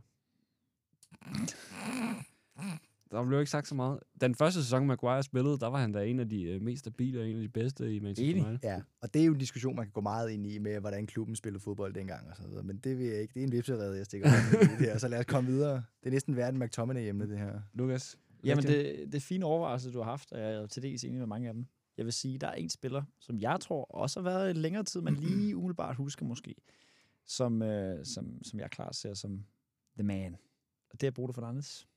Ja. Jeg synes, han er cementen i vores fodbold lige nu, og det har han været faktisk, siden han kom til. Der været Talismanden. som Ja, han basically. Og, og så siger folk, at han har haft en dårlig periode. Jeg synes, der var sådan nogle folk, der snakker under Ronaldo. Ah, han scorede ikke så mange mål, og bla bla bla. Mhm. Prøv at, det er heller ikke, fordi han scorede så mange mål, som han gjorde, da han kom til, kom til klubben i starten der øh, nu. Men, men jeg synes stadig, at han er bare virkelig det eneste... Altså, han er manden. Så, så ham kunne jeg godt se. Som Ten Hag, Ten Hag sagde, at øh, Casemiro er, er cementen øh, mellem stenene, mm. Mm-hmm. og, og tilsvarende så er Bruno Fernandes talismanden, altså katalysatoren, der får Ja. det kreative til at fungere på holdet. Og vi kunne se det, da vi ikke spillede med ham mod Sevilla. Altså, det var, det Jeg var synes, det er et rigtig godt bud Ja. i hvert fald. det er flere gange. Hvem har du ellers med i øh, overvejelsen? Jamen, det er også noget som det her og Shaw, faktisk. På grund af simpelthen ancieniteten, kan man godt sige. Altså, Mhm. Og selvfølgelig også Marcus Rashford. Ja. ja, det kan ikke være Øh, rigtigt, at Paul Pogba og øh, Jesse Lingard skal hive ham ned. Nej. Altså, det, men, men, men nu hænger de dog. Ja. Så. Men, men Marcus Rashford, ja. Ja. Hvorfor er man så, så meget imod det Gea, når han er så højt i hierarkiet hos os? Jeg, jeg, har ikke, øh, jeg er ikke den person, der råber højst for, at, han skal, at det er den første prioritet, der skal skiftes nogle mål med. Og jeg er sikker på, at selv med hans øh, flaws i forhold til udspillet, så tror jeg godt, man vil kunne vinde Premier League med, en spil, med ham som målmand. Man vil også godt kunne vinde Champions League med ham som målmand. Ja. Og, og hvis man kigger på to, de to som det ultimative øh, så tror jeg ikke, det er der, man skal kigge først, hvis man gerne skal opgradere, opgradere holdet. Jeg er enig. Vi er slet ikke på Hugo Lloris-niveau her med hjerneblødninger til højre Nej. og venstre. Og den anden, en anden ting, vi skal huske på, det kan godt være, at man kan få en spiller, der spiller meget bedre med fødderne. Det kan man 100%. Men det er ikke sikkert, med, at, at den samme målmand også kan lave de redninger, som han er til, og i flere sæsoner. Og hvor mange gange er han ikke blevet øh, årets spiller for United? Hvor mange gange er det? Fem gange? Seks gange? I hvert fald fire. Ja, altså det er jo vanvittigt, at en målmand er blevet årets spiller så mange gange i streg. Så, så et eller andet må han jo gøre rigtigt. Det er klart, at hans udspil, det er ikke det kønneste. Og, øh, og det er klart en ting, som enten skal virkelig oppes snart, eller også så må man finde en anden måde at gøre det på, eller skifte mod. Hvem er jeres uh, all-time greatest uh, Manchester United-spiller? All time. Uh, er det Ole Gunnar Solskjaer? Sidst, sidst, sidst jeg svarede, der var det så øh, i den nuværende truppe, der sagde jeg faktisk Bruno Fernandes. Ja, men tror jeg også, det Øh, sidst. Men all time, All jeg har jo ikke så time. meget Ja, historik. jeg Jeg har har- jo ikke så meget Nej, historik. det at har jeg på. lidt mere. Øh, Der er mange, jeg synes, der er så mange. Wayne Rooney. Hvad jeg kan huske. Ja, Rooney, jeg kan, jeg kan altså, Vidic er jeg også kæmpe fan af. Der, er- der er noget alder, der, kom, øh, der kommer ind her. Kan vi ikke lige få øh, jeres alder, øh, så Jo. jeg lige får... Øh, Jeg, jeg, jeg er hele 24 år, Lukas er 24 år, og havde Vidic som øh, det vil jeg sige. all-time. Jeg er 25, og jeg startede først med at følge United, da Moyes blev træner. Uh, det siger jeg. Den dystre tid, ikke? Ja. Ej, ej, men det er svært at vælge en. Det er jo næsten umuligt. Jeg vil vælge en i hver position, vil jeg godt kunne Mm. gøre, ikke? Men, men ellers, jeg kan ikke vælge en. Og, og der, ja, jeg kunne også godt lide, det er meget forkert at sige, har jeg hørt fra nogle folk, der er rigtig hardcore United-fans, men jeg kunne også godt lide, da Ronaldo var i klubben, i hvert fald ja. første gang. Han var jo vanvittig fed, og han vandt jo også, det glemmer folk, han vandt en Ballon d'Or i United. Når er der nogen Ja. spillere, der har gjort det siden da? Eller før det? Er det for sent at sige Ashley Young? Jo, jo, men altså, han var faktisk det ikke engang dårlig. Altså, nogle gange var han dårlig. Ja, men jeg synes også, han gjorde det godt. Og blev tider. skidt i munden. Hvad? Han blev skidt i munden jo en fugl. Ja. Det ved du da godt. Ja, ja. Er du ikke der? Har du set? Jeg fik nogle helt andre billeder i hovedet. Ej, Ej, stop, stop dig selv. altså, jeg kender ikke til dine fetischer, men altså, han blev i hvert fald skidt i, i munden af en fugl. Nå, men jeg kan fortælle jer, at øh, imens øh, Nikolas han er, han er flækker af grin, så kan jeg fortælle, at... Helt rød i hovedet Helt derovre. rød i hovedet. Øh, Jeg er også varmt hernede. jeg, jeg er 30 år gammel, og øh, jeg har øh, lidt øh, kontroversielt, så har jeg David Beckham som min Ja. all-time. Jamen, det greatest. er også Det var ligesom, bud. ligesom da jeg kom øh, i gang med at følge. Så øh, det var ligesom øh, enden af Legend, Soldier and Talent.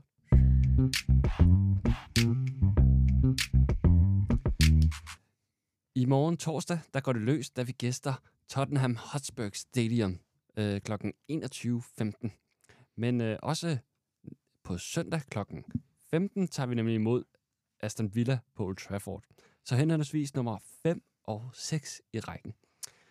Lad os starte med øh, Spurs-kampen. Øh, og efter nogle, øh, det kan man vel godt sige, nogle øretæver øh, mod Newcastle i weekenden, og, øh, og have en manager fyret i mandags, den midlertidige manager næsten, øh, nemlig Christian Stillen, tror jeg det hedder, og man har netop indsat Ryan Mason i stedet for, øh, som var assistent under ham. Så endnu en gang er Ryan Mason trådt ind. Det tror jeg, jeg har gjort øh, et par gange efterhånden i, øh, i Tottenhams historie. Så øh, Lukas, hvad er det rent faktisk en, øh, for en kamp, vi kan forvente her torsdag aften? Jeg tror, vi vinder. Det det, man starte ud sådan med at sige. Jeg tror bare, vi, vi kommer til at vinde. Jeg tror ikke... Det var den optag. Jamen altså, ja, det var det. Nej, enig, enig. jeg vil sige, øh, det eneste, der gør mig lidt bange, det er det der med, at der netop kommer en ny, quote-unquote, manager ind. Og så er der en anden ting, som jeg lagde mærke til. Jeg så, at Tottenham skrev for deres officielle profil, efter at de havde tabt ret grusomt mod Newcastle, meget grusomt endda, at øh, de vil refundere alle billetpengene til fansene, fordi at de sagde, at de vil have et godt vibe, når vi nu skal møde Manchester United. Øh, og det er sådan lidt mere, så det kan være, at de kommer ind med lidt øh, fanden i voldsked og, og spiller lidt bedre end lige så. Men ellers ser jeg ikke Tottenham som værende specielt farlig her for tiden. Men hvad er det så for en kamp, kamp vi forventer Ja. at se? Jeg tror, vi kommer til at få en del mere boldbesiddelse, end øh, vi gjorde i eksempel øh, Brighton-kampen, øh, semifinalen. Og jeg tror, vi kommer til at, øh, at, at vinde ret solidt øh, og være meget, hvad skal man sige, øh, dominerende. Det tror jeg. Nicholas? Ja, jeg vil give Lukas, øh, jeg vil give ham meget ret. Altså, Tottenham er et såret dyr lige nu. Det tror jeg godt, man kan sige. Klubben går ud og fyrer deres midlertidige manager. Ja. Altså, tal om desperation.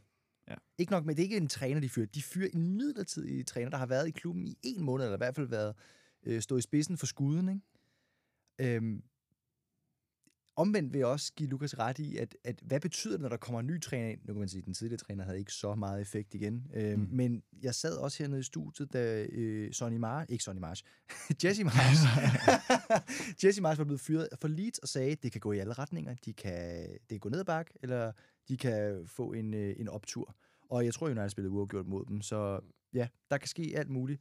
Jeg ved ikke, altså Tottenham har altid været, eller i hvert fald på det seneste, været et hold, der kan finde ud af at score mål. Det er mere det defensive, der, der er lidt af problemet. Ja, de har jo en fantastisk offensiv, men deres defensiv er er diskutabel til tider. Så derfor er jeg også bange for, at det er et meget, øh, kan man sige, volatilt hold, der kan stikke i alle retninger. Øhm, hvad med vores offensivt, Niklas? Ja.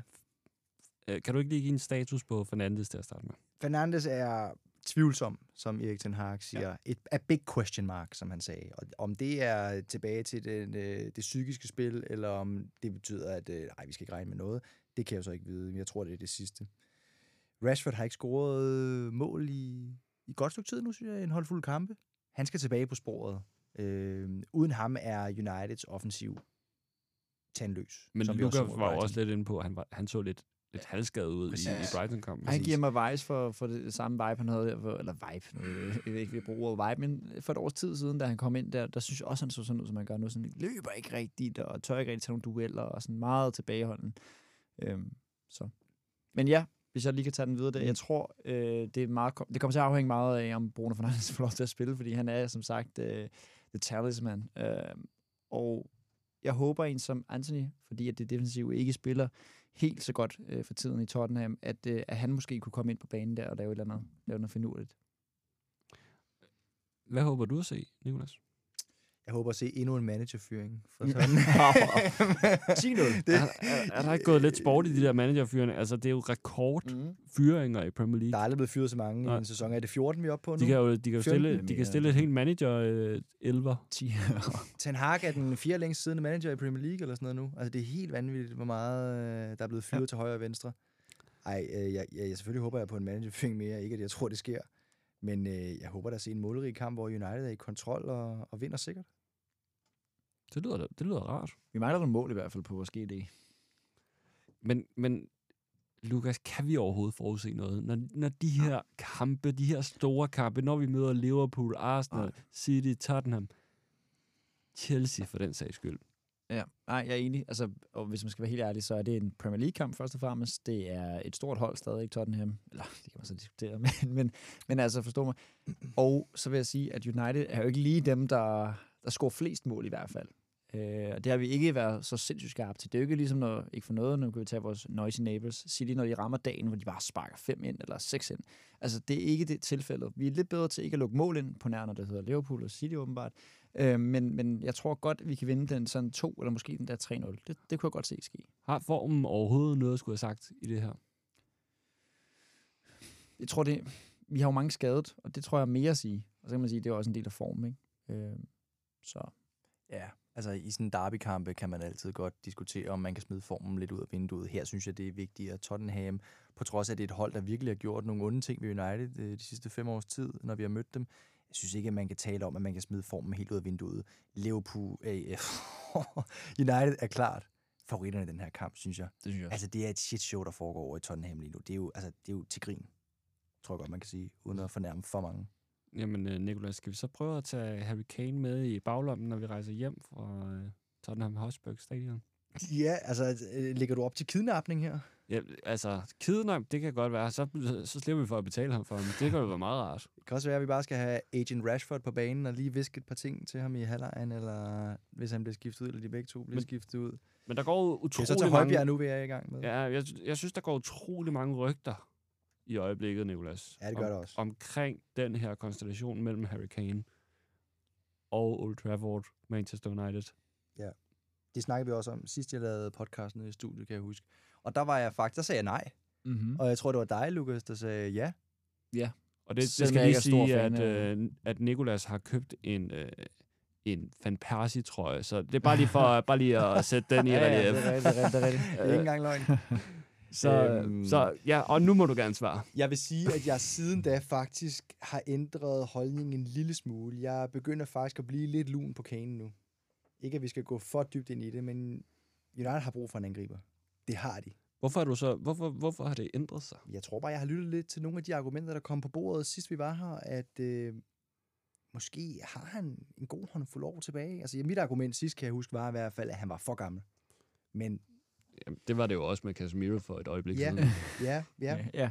ja. Men, men, men altså, Harry Kane bliver jo aldrig en klublegende. Altså det i, i United. Det vil han aldrig blive. Nej, men det har Van Persie vel heller ikke blevet, men han, han har fået en god status, Det er ikke? tæt på, vil jeg Der- sige. Der er også en anden ting, vi skal vende, det er, hvad, hvem kan vi egentlig få herhen? Fordi kan godt være, at der er et par spillere, og, men det er ikke mange nier, du ser. Du har Osimhen, men lur mig, om han man ikke over til et hold som, som Chelsea. Øh, der er også snak om, at Osimhen, eksempelvis hans kæreste er fra Tyskland, og han kunne godt tænke sig at se sig selv i Bayern, og der er man også sikret sølvtøj næsten. Øhm, så, så det er sådan lidt, hvad, hvad kan United egentlig tiltrække? Og vi har behov for en nier, så hvis en som Kane gerne gider, øh, så er han jo pisse dyr, for han er englænder, først og fremmest, og beviser, at han kan score mål i Premier League. Men vi har ikke rigtig så mange andre valg, medmindre man vil satse på en anden ungdomsspiller, sådan noget, måske en Højlund. Ja, nej, nej, men altså er det, spændende. det, hvis, Lad det der ske, lad det der ske. en Holland øh, point two. Øhm, nu har Lukas talt en del om det her træthed, men øh, Nikolas, er der noget træthed at spore egentlig i Manchester Uniteds nuværende trup?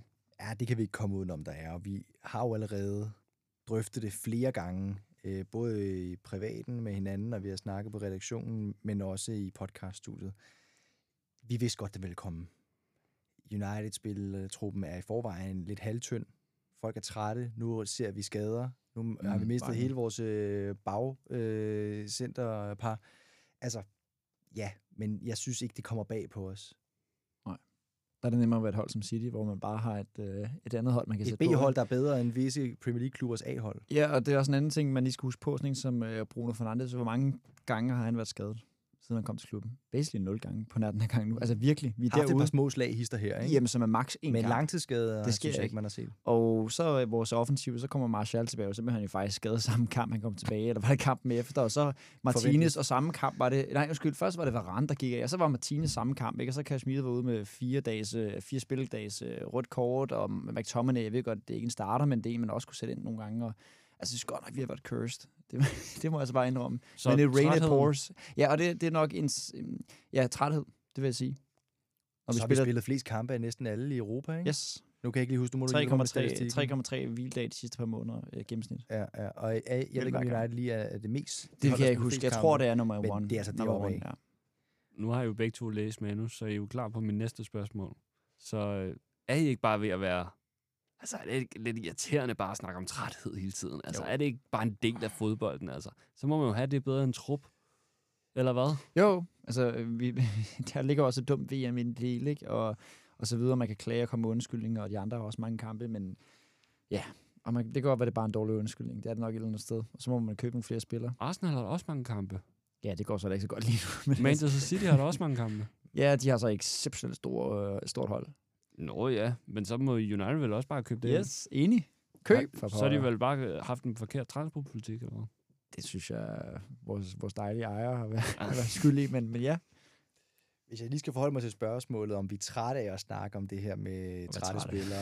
Ja, trætte af at være trætheden, ikke? Øh, så kan man sige, jo, jeg er træt af det, fordi det er jo super kedeligt at snakke om. Jeg vil hellere snakke om noget andet. Ja. Ja. Men jeg vil også sige, at jeg synes ikke, at det er et emne, der har presset sig meget på de seneste par sæsoner. Det har aldrig rigtig været noget, der har været op at vende i vælten. Men det har også noget at gøre med, at United ikke har været med lige så længe i så mange turneringer. Vi er jo begyndt at vinde jo. Ja, og man skal lige huske på, hvis I husker tilbage, man plejer jo kun at se Premier League i, i weekenden. Det har altid bare været i weekenden, og nu er det sådan noget på en torsdag. Der er nogen, der spiller i aften, ikke? der spiller City mod... Det er sådan helt... Hvad sker Mandag, der? torsdag, søndag. Ja, hele tiden, Tre ikke? kampe om ugen. Øh, og det er jo selvfølgelig fedt som seer, men, men kvaliteten er jo også bare... Ja, det er et eller andet sted. Lukas, jeg vil have dig til at starte, fordi du øh, begyndte at jinxe den lidt allerede øh, fra start. Hvad resultatet skulle blive, og første målscorer på, på Tottenham-delen. Kan du ikke lige... Øh... Jo, det kan jeg sagtens. Jamen, øh, United vinder mod Tottenham, og jeg tror, de vinder 2-0. Og Rashford scorer et mål, og Anthony scorer et mål. Hvem er så første målscorer? Rashford. Så scorer Anthony. Modtaget. Vi er næsten enige. Ja. Jeg siger også, at Rashford scorede det første mål, men jeg siger, at United vinder 3-0. Okay. Det er fordi, at øh, Tottenham er fuldstændig destabiliseret lige Så nu. bliver det jo 5-0 jo. I første halvleg. I første Ej, okay, jeg kan godt have fast i 3-0 i første halvleg. Skal vi sige det? ja, ja, det er fint. 3-0 i første halvleg. Rashford scorer efter 15 minutter. Men, men hvornår har vi sidst vundet 3-0? Niklas? Uh, jeg er jo ikke Rayman. Nej, men altså, jeg tænker bare, jeg synes bare, det altså, de der 3-0 sejre, som, som vores øh, irriterende naboer, de altid, de hiver hjem en gang. Der er som, 4-5 minutter også. Ja. Jeg synes bare, vi, vi kommer til 2-0, og så stopper vi. Ja. Hvorfor, ja, så slipper hvorfor, vi gaspedalen, ikke? hvorfor slipper vi den gaspedal der? Hvem mindre det Southampton. Ja. Og to røde kort. Ja. Men jo, øh, ja. Sidst United vandt 3-0, det var mod Leicester den 19. i anden. Så det er et par måneder siden. To måneder. Men, men der er ikke mange af dem, vi ser i det er løbet af ikke sådan mange, en vi- sæson. Og så vi mod Nottingham Forest den 25. januar. Der var lige, der, ja, lige Og der så mod. Charlton Athletic den øh, 10. første. Ej, nu skal jeg nok stoppe. Ja, men hvis vi skal... Og mod Bournemouth i januar også. Op. Nej, du stopper jeg. Undskyld. Han sidder der Hvis vi, der. skal, hvis vi skal runde den af, øh, så hører jeg to sejre. Og øh, Ah, jeg synes, jeg sagde noget med Aston Villa jo. ja, ja, men i forhold til, Nå, ja, til, selvfølgelig. til Tottenham, Yes. så hedder jeg to sejre. Yes. Og øh, clean sheet hører jeg også. Clean sheet. Ja. Det er- er jo nummer et Ja. Premier League lige nu. Yes. Ja. Så, øh, så den, øh, den synes jeg godt, vi kan tage med øh, til lytterne. Ja. Ja, lad, lad os lukke den der, og så køre videre til, til Aston Villa, som du så gerne vil øh, snakke om, Lukas. Ikke? øh, fordi i den, i den kommende kamp, altså efter Tottenham i morgen, torsdag, jamen så på søndag, der møder vi Aston Villa, som ligger på en 6. plads. Og man må sige, at øh, Unai Emery, a.k.a. Good Evening, Good Ja. evening han har klaret sig fremragende, efter han tog over i, øh, i Aston Villa. Hvad tænker du, Lukas? Jamen, ham har vi det også svært med. Øh, generelt set har vi haft nogle lidt gyseraftener med. Men så vil jeg også gerne lige sige en anden ting. Vi spiller i morgen. Det er torsdag. Torsdag aften spiller den måske en hård kamp. Vi ved det ikke. Lad os sige, det bliver en hård kamp. Det gør det som regel i Premier League. Og så vågner man op fredag og kan lige sunde sig lidt som spiller. Og så skal du på, så skal du på træningsbanen lørdag igen. Og så spiller du ed med med søndag igen. Øh, og så spiller du på et hold, som har fået 28 point i de sidste 10 kampe. Det vil sige, at de har vundet 8 gange og tabt, eller spillet uafgjort to kampe. Øhm, det er rimelig imponerende, og de, de, de, de spiller altså rigtig godt. Og jeg tror ikke, vi vinder kampen. Det må jeg sige. Jeg håber det, fordi du skal afsted. Øh, men, men, Det er faktisk øh, kun, fordi han skal Det afsted, er faktisk kun derfor, jeg håber det, fordi du selvfølgelig skal have en god oplevelse. Men jeg kunne godt forestille mig, at det kunne blive øh, en uafgjort. Det En kunne jeg, godt uafgjort? se. Ja, det kunne jeg godt se. Så det bliver, det bliver en svær kamp. Sådan 1-1. Det kunne, jeg, det kunne jeg snilt se. Nicolas? Ja. Altså ikke, jeg tror, vi gemmer lige scoren til sidst, ikke? Jo. Øh, kan du lige prøve at gentage spørgsmålet? Nå, men jeg tænker bare, altså, efter han overtog, altså, hvad, hvad, hvad tænker du? Altså, Ja. Hatten af for Aston Villa. Han har gjort det godt under Emery, øh, siden han kom til. Øh, da United spillede mod øh, Aston Villa sidst, der tabte United 3-1. Og øh, ja, øh, Lukas øh, øh, løftede også sløret for det helt kort, at det er jo også ham, der står bag den ulykkelige situation i Europa League-finalen, da vi spillede mod Villarreal. Unai Emery er en ubehagelig træner at spille mod for United. Han har i hvert fald gjort det onde ved os et par gange nu. Og han, ja, hatten af. Hatten af. Han har taget holdet op på femtepladsen lige nu. Bevares. De har spillet fire kampe mere om Brighton, og de er kun fem point foran dem, så de rører nok ned igen. Men hatten af. men hvad bliver det så for en kamp? Øh, det, det- det lød på Lukas som om, det, det bliver sgu ikke bare lige en walkover, det her. Men det gjorde, øh, altså nummer 5 Premier League bliver en walkover, men Aston Villa, nummer 6 i Premier League, bliver ikke en walkover. Det bliver den svære kamp af de her to. Det er også to forskellige hold, ikke? Jeg synes, det er to forskellige hold. Det ene hold har øh, en dygtig manager. Det andet har ikke en manager. Men Nej. så har, har, har formen så ikke noget, skulle jeg have sagt. Det var vi lidt inde på før. Jo, men øh, Aston Jo, Villa jo. er da langt, i, bedre, i langt bedre form end øh, Tottenham er. Altså, de har vundet i, ja, for en uges tid siden, der vandt imod Newcastle 3-0. Imponerende. Og Newcastle er altså, undskyld, Ja, ja, siger, det- det er ved at cementere sig ind i top 6 Det er sgu meget godt. De har også lige vundet mod i går, ved at mærke, vandt de så 1-0. Så de får også lige to dages mere hvile, end vi gør. Og det betyder også ret meget, især her sent på sæsonen. Så ja, Det, det, nu har jeg også kigget lidt ind i statistikkerne, og alle de her l- mange Premier League-statistikker, det er især her, at Aston Villa er højt på, på scorebordet, fordi de har vundet så utrolig meget i, i 23, og nu skal jeg nok lade være med at kede alle øh, lytterne omkring alle de her statistikker. Vi kan ikke få nok af statistikker, så det skal det bare gøre. godt. Men, øh, men som du var inde på, Nicolas, så tabte vi 3-1, og jeg mener, det var i Emerys debut. Det tror jeg faktisk, det var. Øh, Var det der, hvor Philip Coutinho han scorede også? Var det det? Ja, tror jeg. øh, Uh, ja.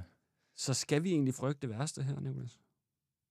Jeg vil ikke sidde og sige, at man skal frygte det værste og slå korsets tegn og håbe på det værste, men øhm, det er da ikke et hold, jeg har lyst til at møde, altså lige for tiden. Jeg har valgt at spille mod mange flere hold før dem. Enig. Fuldstændig enig.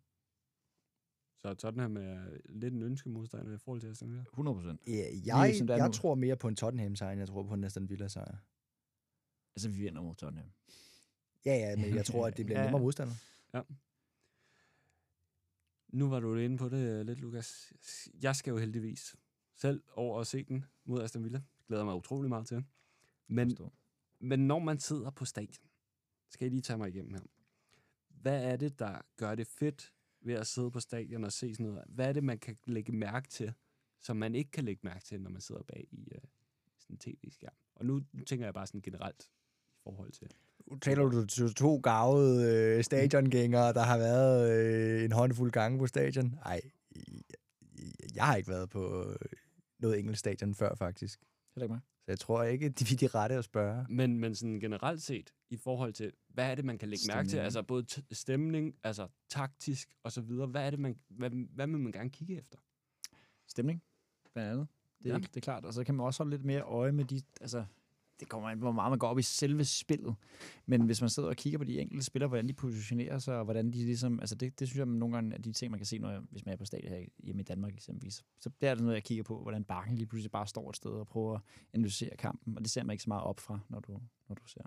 Altså, hvis du vil have det bedste udblik til kampen, så skal du blive hjemme foran fjernsynet og se den der, for det, der kan du se det hele Ikke øh, altid. zoomet helt ind.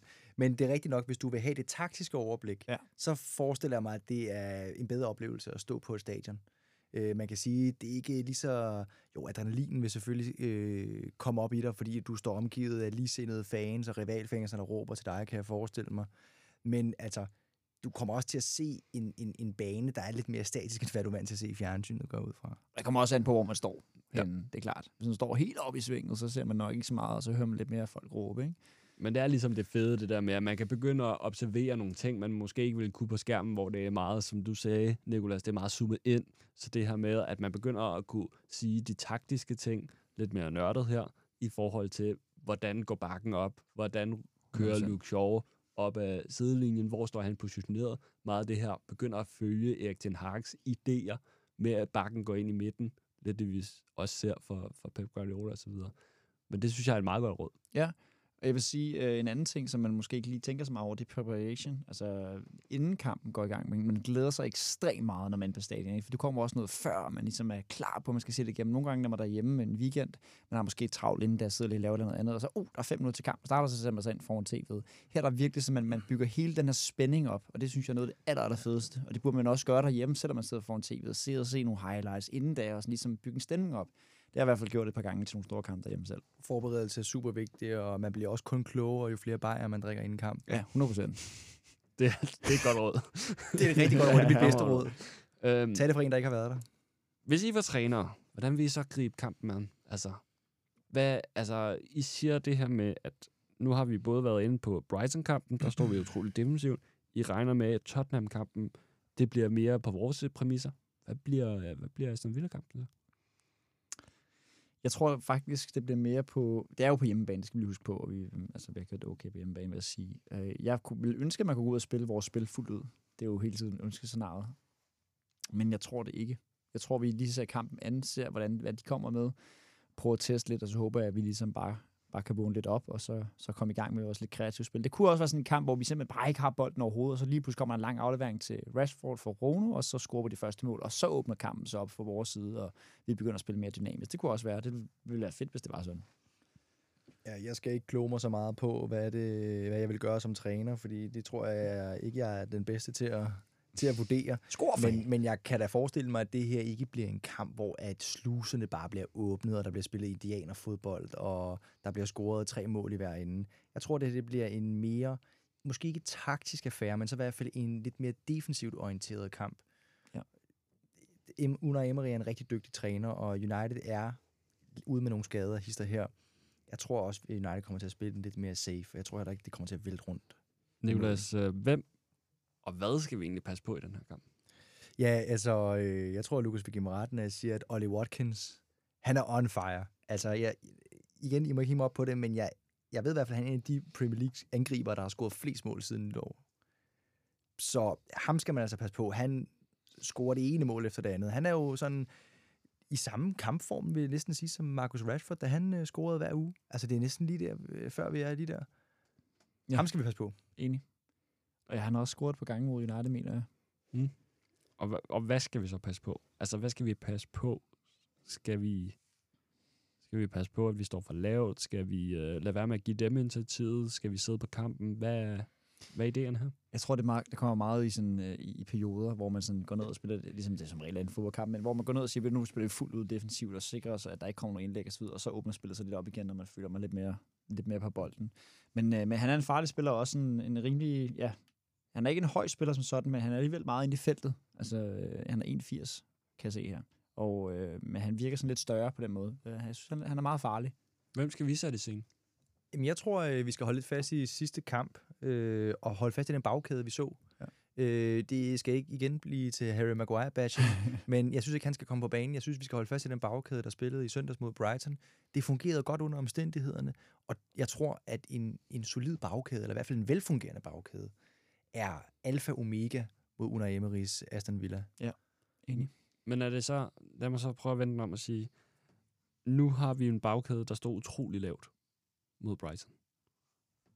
Kunne Maguire ikke være den, der var med til at flytte bagkæden fremad, kontra at vi stod dernede, eller er det bare en taktisk Hvorfor skulle Det han flytte jeg ikke. bagkæden Det håber- fremad? altså, ja, Hvis han skulle være lederen dernede, nede i uh, flytte bagkæden Det- frem, sørge for, at det hele stod I min bog, jo længere Maguire står tæt på målmanden, jo bedre. Altså, der må ikke være for meget afstand mellem målmand og bagkæde, når han er der. Det, Ja. det har han bare bevist, at det er ikke der, han brillerer. Det er ikke engang der, han kan spille fodbold. Men hvem skal vi sætte i scene så offensivt? Ja, vi må øh, Forhåb- smide det frem, vi har. Jeg synes, Rashford skal komme og score nogle flere mål. Nu skal vi have ham i gang igen. Ja, det, det er det samme her. Jeg vil sige, lad os antage, at Bruno Fernandes ikke er klar på torsdag eller i morgen. Så håber jeg, det er jo bare en, han er bare vrikket lidt om, øh, og det ser okay ud, og han er in question for kampen i morgen. Så må han helt klart være klar til på søndag, og så håber jeg, at han kan komme ind med lidt mere hvile, end han har haft faktisk hele året og sidste år også, og faktisk komme ind og brillere. Det kunne jeg godt se. Han fik, jo, han fik jo også en hviledag mod uh, Ja. Sevilla. Lige en enkelt der. Ja, det kunne jeg godt se. Men uh, Lukas, du, uh, du Altså- var jo så god til at, til at byde på kampen Ja. og første målscorer, så det skal du da have lov til igen. Ja, jeg vil sige øh, 1-1, og det er Bruno Fernandes, der scorer. Og hvem der scorer for Aston Villa, det ved jeg ikke. Watkins. Jeg synes, det er modigt, du sætter Fernandes ind i den her Ja. kamp, øh, og at han bliver klar. Øh, jeg ved ikke, altså når jeg ser de der billeder, hvor han sidder med en skinne stående ved siden af fod, øh, altså en fodskinne stående ved siden af sofaen, så synes jeg, det tyder på, at han skal have mere end en uge til at, at komme tilbage. Man kan så sige, at den sidste Premier League-kamp, United spillede, der var det jo Anthony, der gjorde det rigtig godt. Kan vi ikke Mm. håbe, at han der formen der? Det er, jo ikke, det er jo ikke en vi-beslutning, det her. Det er jo faktisk dig, der bliver... Du får lov. Ja, ja, du får lov. Personligt. Du Ja, men jeg er en bestemmer meget øh, konsensussøgende Ja, det kan jeg godt natur, se. Og jeg kigger på jer, men jeg skal nok gå med min egen holdning. Så. Ja, det vil være rigtig fint. Øhm, Jeg tror kun, det bliver 1-0. Det tror jeg kun, det bliver. Jeg tror, Ja. det bliver en taktisk, i hvert fald defensiv affære, som jeg sagde før. Jeg tror ikke, der kommer til at være særlig mange mål. 1-0 til United, og det er selvfølgelig også noget, jeg håber på. Og så tror jeg, det bliver Anthony, der scorer det. Jeg synes, nu sagde jeg, at Rashford skulle komme i gang, men han ser småskadet ud. Jeg tror øh, 1-0, og det er Anthony, der scorer. Og jeg vil lige sige, at øh, du siger, at øh, Bruno Fernandes måske ikke øh, kommer til at spille, men det, altså, Erik Ten Hag for 6 timer siden har sagt, at han er et stort spørgsmål nu til kampen i morgen. Og hvis man er et stort spørgsmål, så er man i hvert fald sådan, okay, det kan godt være, han kan spille. Så kan han i hvert fald godt spille på søndag. Det er jeg næsten overbevist om. Det, jeg kan også blive overrasket, selvfølgelig. Det er meget fedt, Ja. ja. at øh, jeg skal over se en kamp, der bliver en taktisk affære, og ikke særlig mange mål. Håber, drikke, Altså, drikke en masse øl. Så kan du drikke mange øl. Du jo. var også heldig sidst, du var derovre. Var det ikke mod Arsenal? Du Det var mod derovre sidst? Arsenal. 3-1 til United. Ja. Tal lige om en oplevelse. Så sad han her og flottede sig, da Emil Jørgensen kom på besøg. Ej, det kan jeg godt forstå. Altså, det, det skal man da også have lov til at flotte. Altså, hvis man Ja, ikke skal ja, flotte sig jo, der, jeg ved ikke, Jo, jo, hvornår er skal man så. Nicolas? Altså. og, og det har du faktisk ret i, gamle Jas.